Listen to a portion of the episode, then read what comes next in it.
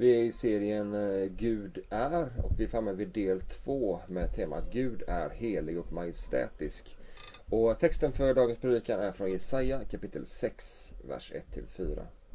Året då kung Usja dog såg jag Herren sitta på en hög och upphöjd tron och släpet på hans mantel uppfyllde templet. Serafer stod ovanför honom, var och en hade sex vingar, med två täckte de sina ansikten, med två täckte de sina fötter och med två flög de. Och den ena ropade till den andra Helig, helig, helig är Herren Sebaot. Hela jorden är full av hans härlighet. Rösten från den som ropade fick dörrposterna och trösklarna att skaka och huset fylldes av rök. Amen. Gott att eh, få förmånen att predika ännu en söndag utifrån det här underbara temat Gud är.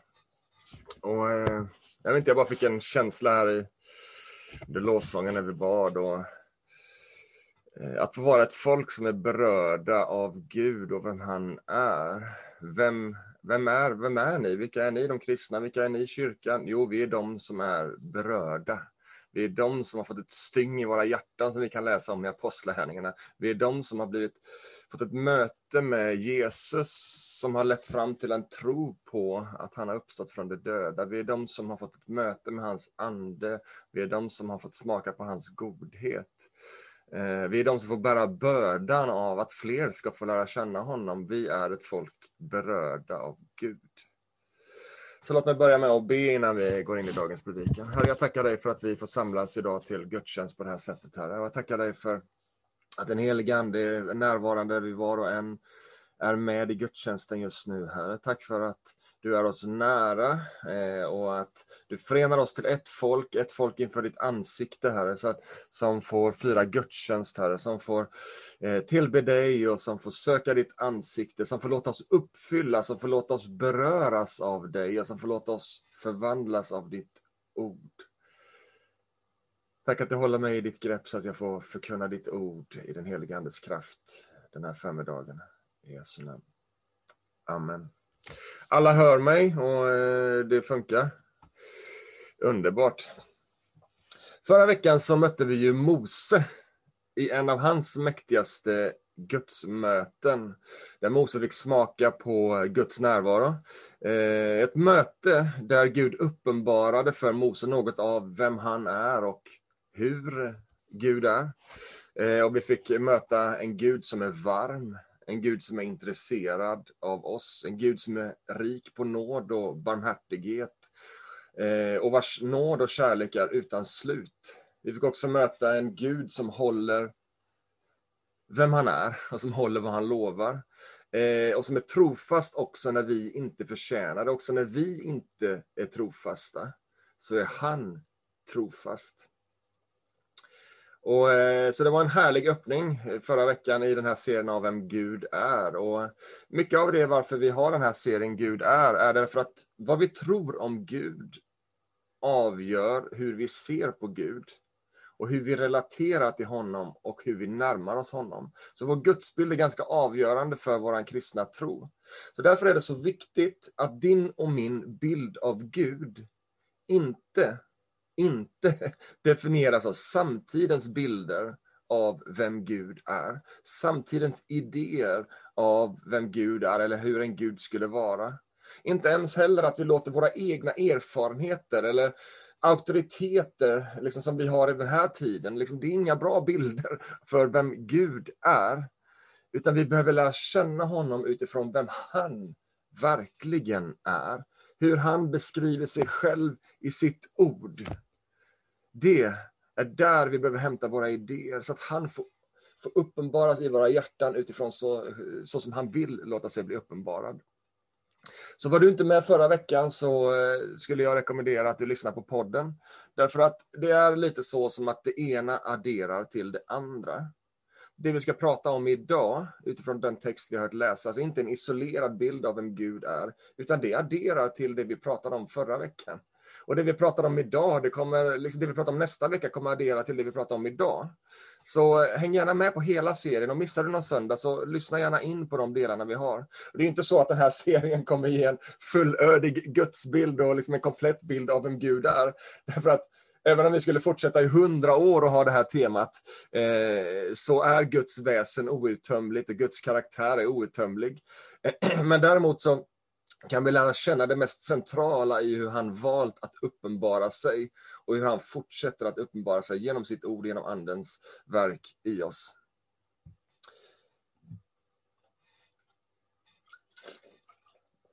Dagens text är också ett sånt där mäktigt gudsmöte.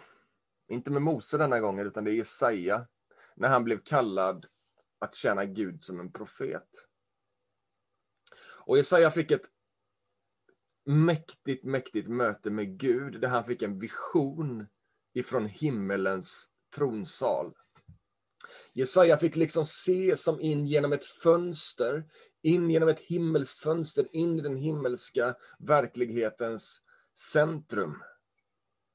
Och Jesajas gudsmöte, vi skulle kunna läsa om andra profeter i Gamla Testamentet, därför att det var vanligt att profeterna de fick ett sånt här mäktigt gudsmöte i samband med sina kallelser.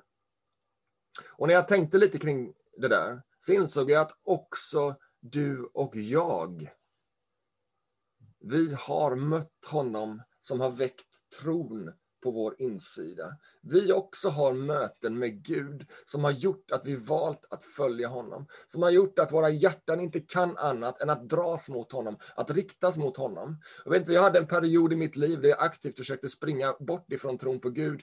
Men det gick inte, därför att det fanns någonting i mitt hjärta som drogs mot honom som jag hade mött. Också du och jag har möten med honom som har kallat oss att följa honom. Vi har gjort olika erfarenheter. Och jag vill säga till dig den här morgonen, förkasta inte dina erfarenheter av Gud. Förkasta inte dina gudsmöten som du har varit med om. Kanske har du förklarat bort dina gudsupplevelser som suggestiva känsloyttringar. Efter lite tid, men i stunden så bara wow vilket möte jag hade med Gud. Men så går tiden, nej, men det där var nog bara ett känslosvall. Eller kanske du bara helt enkelt har lagt det bakom dig och liksom låter inte längre de där mötena definiera vem du är. Jesajas gudsmöte förändrade och definierade hela hans liv. Våra gudsmöten, våra upplevelser av Gud är någonting att bära med oss och låta forma vilka vi är. Men vi lever i en tid där man förklarar bort allt som är liksom utanför liksom det, liksom det vi tror vi kan boxa in i olika liksom logiska, vetenskapliga boxar. Men Gud, han går bortom det där. Och han ger oss de där upplevelserna för att bryta ut oss ur vår box, att vi inser att vi är kallade att leva för någonting mer och för någonting större.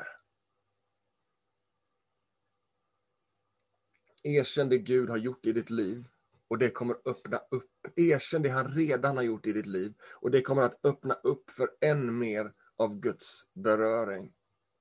Erkänn det som han har talat till dig om. Wow, Gud, du har talat. Låt det han har talat till dig om, låt allt det du känner om Gud, allt det du har upplevt av Gud, få bli det du berör din omvärld med. För Gud har kallat dig att bli berörd av honom för att beröra världen omkring dig. Och så är vi här då i berättelsen om Jesaja. Vad är det som får tronsalens portar att skaka? Vad är det som får rökmaskinerna att gå för fullt tryck i himmelens tronsalar? Jesaja får i sin vision blicka rätt in i uppenbarelsen av Guds majestät, härlighet och helighet. Och det är temat för dagens predikan. Gud är helig och majestätisk. Och visionen som Jesaja får vara med om, det beskrivs, vi kan förstå det av texten, att det beskrivs som en övermäktig upplevelse, där han får blicka in i himlens tronsal. Och en annan spännande sak som adderar till den här berättelsen, det är att aposteln Johannes i sitt evangelium, i kapitel 12, där beskriver han att det som Jesaja får se, det är Jesus som sitter helig och upphöjd på sin tron. Jesus som helig upphöjd, mäktig, majestätisk. Jesus, som vi ofta tänker på, vilket också är sant, som syndarens vän. Han som är nära, han som är så liksom på något sätt mänskligt greppbar. Jesus som bevisar Gud som nådefull, den natur som Gud har haft från evigheters evighet. Överflödande barmhärtighet och nåd. Han som är djupt intresserad av dig. Han som är liksom nära, han som är där, han som sitter och äter. Han som säger till Sackeus, kom ner från trädet, för jag vill gästa ditt hem, jag vill käka middag hemma hos dig. Jesus, syndarens vän. Han, han är också hög och upphöjd på sin tron och släpet av hans mantel uppfyller templet. Och Det är en så intressant liksom, spänning, det är ingen spänning egentligen, men två liksom, sidor av Jesus. Han är både liksom, av Gud själv, han är både bortom allt och nära allt. Han är helig och han är upphöjd. Han är barmhärtig och han är nära. De här dimensionerna som vi ska liksom borra lite djupare in idag och se faktiskt vilken avgörande betydelse det här har för dig och mig, att han är både nära och bortom. Och det första som Jesaja får se i sin vision, det är Guds majestät. Det är, han ser honom som upphöjd, han ser en tronsal, han ser en mäktig upplevelse. Han ser honom, Gud, som upphöjd över allt. Varför måste Gud vara upphöjd? Varför måste Guds tron vara över allt annat? Kan vi inte bara nöja oss med kompis Jesus? Faktum är att om Gud bara hade varit kompis Jesus så hade du inte behövt honom. Därför att endast en Gud som är över allt och bortom allt kan kliva ner in i allt och göra för oss vad vi behöver. Endast en Gud som är över ondskan. Endast en Gud som är över alla makter. Endast en Gud som är utanför, bortom, över allting som kan beskrivas och nämnas och som finns. Endast en sådan Gud kan kliva in och göra upp med ondskan på riktigt. Han klev ner och gjorde det bara han kunde göra för att sedan stiga upp igen för att regera och styra världen mot världshistoriens rätta slut och för att bereda en plats för dig och mig i sitt rike. Han som var över allt, han klev ner under allt för att bryta syndens makt och steg upp igen för att regera över allt.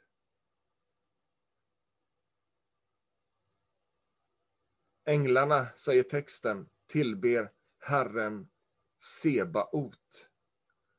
Det hebreiska Herren Sebaot, härskarornas Gud. Alltså härföraren av himlens alla änglar. Han som är härförare över riket, han som är regent över riket utan slut. Jesaja fick möta honom som är upphöjd över allt. Han fick se Gud i sitt majestäts härlighet. Och det består, beskrivs i texten att Guds mantel var så stor att den uppfyllde hela detta majestätiska templet. Det är liksom ett uttryck för att beskriva hur stor och majestätisk och mäktig Gud är.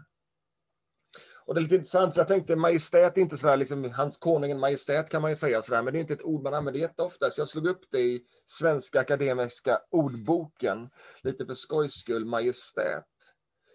Och då så står det, det första det står här framme var att det är ett upphöjt tillstånd. Och sen kommer en förklarande text. Och det är lite roligt att där kommer Gud in i, liksom när man beskriver ordet majestät.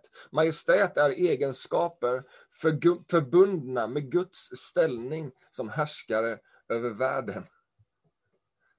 Och det här är vad det handlar om. Hans majestät, han är upphöjd som härskare över allt.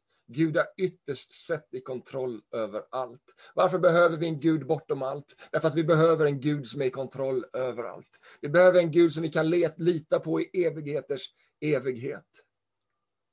Och genom Jesus seger över synden så har vi bjudit in, bjudits in under hans majestät, under hans rikes regerande under det här majestätet som kännetecknas av vem Gud är. Det är inte en konung eller regent så som vi tänker, utan det är en fullkomlig eh, majestätisk regent som är fullkomlig i godhet, rättfärdighet, barmhärtighet och nåd och kärlek. Och så fortsätter texten. Serafer stod ovanför honom. Serafer är alltså mäktiga änglar. Serafer stod ovanför honom och var och en hade sex vingar. Med två täckte de sitt ansikte. Och med två täckte de sina fötter och med två flög de. Och den ena ropade till den andra. Helig, helig, helig är Herren Sebaot. Hela jorden är full av hans härlighet. Vi läste förra veckan om hur Mose inte kunde se Guds ansikte och leva därför att Gud är så ren, Gud är så helig och så starkt är ljuset som strömmar ut ifrån, ifrån honom. Så Mose liksom kunde inte se Guds ansikte. Och Jesajas vision här beskriver någonting liknande om änglarna, att dessa mäktiga änglar inför tronen, de döljer sina ansikten och sina fötter inför Gud. Men mest sannolikt är att det inte alls är av samma skäl som av att Mose dolde sitt ansikte. Därför att Mose innan Kristi kors kunde inte se Guds ansikte.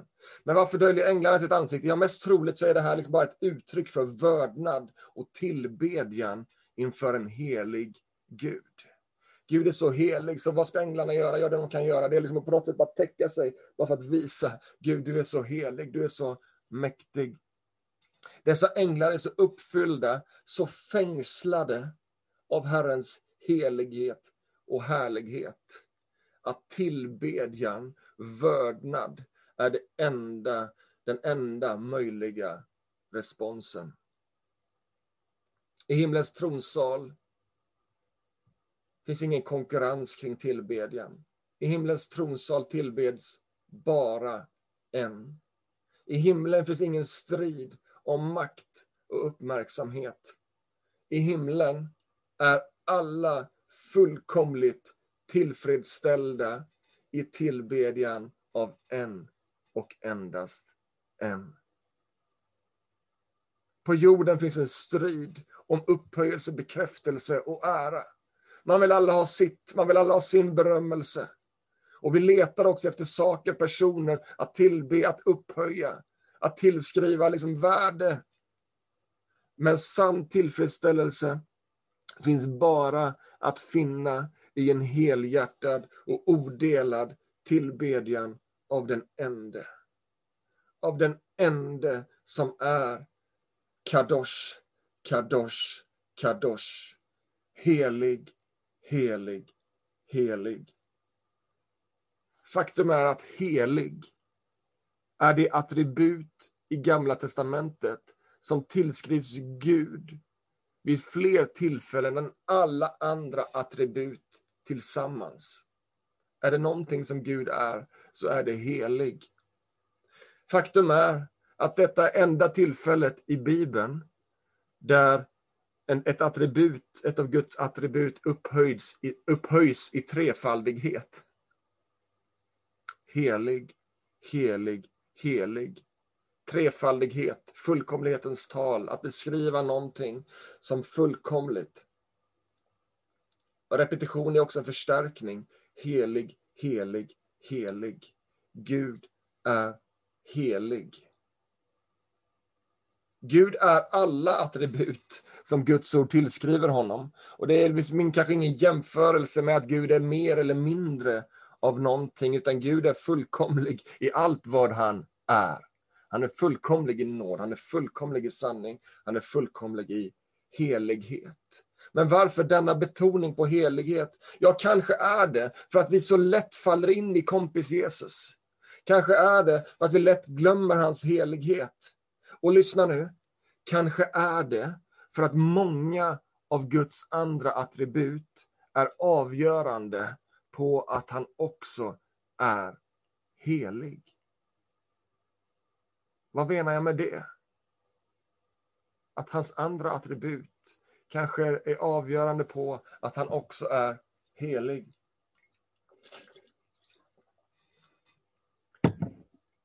Jag vet inte vad helig betyder för dig. I vår tid så är ju ingenting heligt. Det finns ingenting som är upphöjt på det sättet till helighet. Och vi använder också ordet heligt bara för att beskriva men allmänt, han är så helig, hon är så helig. Eller som allmänt goda människor. Eller, eller så använder vi det som något halvtråkigt, ja, det är lite sakralt och heligt och tråkigt. Sam Storms, en teolog och pastor, beskriver ordet helig så här. Helighet... Jag kanske har slides här förresten. Kan vi slänga fram dem? Slipper ni se på mig hela tiden.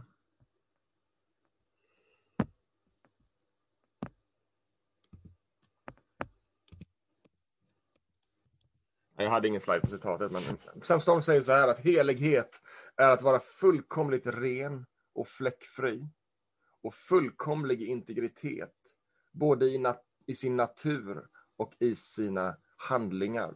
Fullkomligt ren och fläckfri och fullkomlig integritet, både i sin natur och i sina handlingar. Helighet är både Guds natur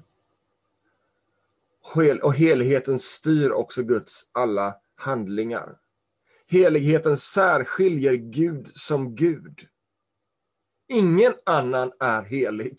Endast Gud är helig och endast en helig Gud är Gud.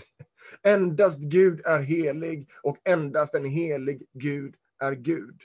Helighet i hebreiskan, kadosh, betyder avskild. Avskild bortom allt.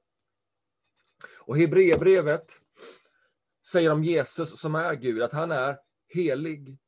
Han är oskyldig, obefläckad, skild från syndare och upphöjd över himlarna. Guds helighet är en förutsättning för Gud att vara Gud. Endast en Gud, en Gud som inte är helig, en Gud som inte är oskyldig eller obefläckad eller skyld från syndare upphör att vara Gud. Därför att bara det som är fullkomligt, bara det som är rent, bara det som är helt, bara det som är rättfärdigt kan bestå för evigt. En liten brist, en liten spricka i Gud så kan han inte bestå för evigt. En liten brist i Gud och Gud blir som en av oss och är inte längre Gud. Det kanske verkar lite tekniskt där, liksom. men det är helt avgörande att vi har en bild av Gud som helig och fullkomligt fräckfri, obefläckad, oskyldig, upphöjd över himlarna. Därför att endast en sådan Gud kan vara Gud och endast en sådant väsen kan bestå för evigt.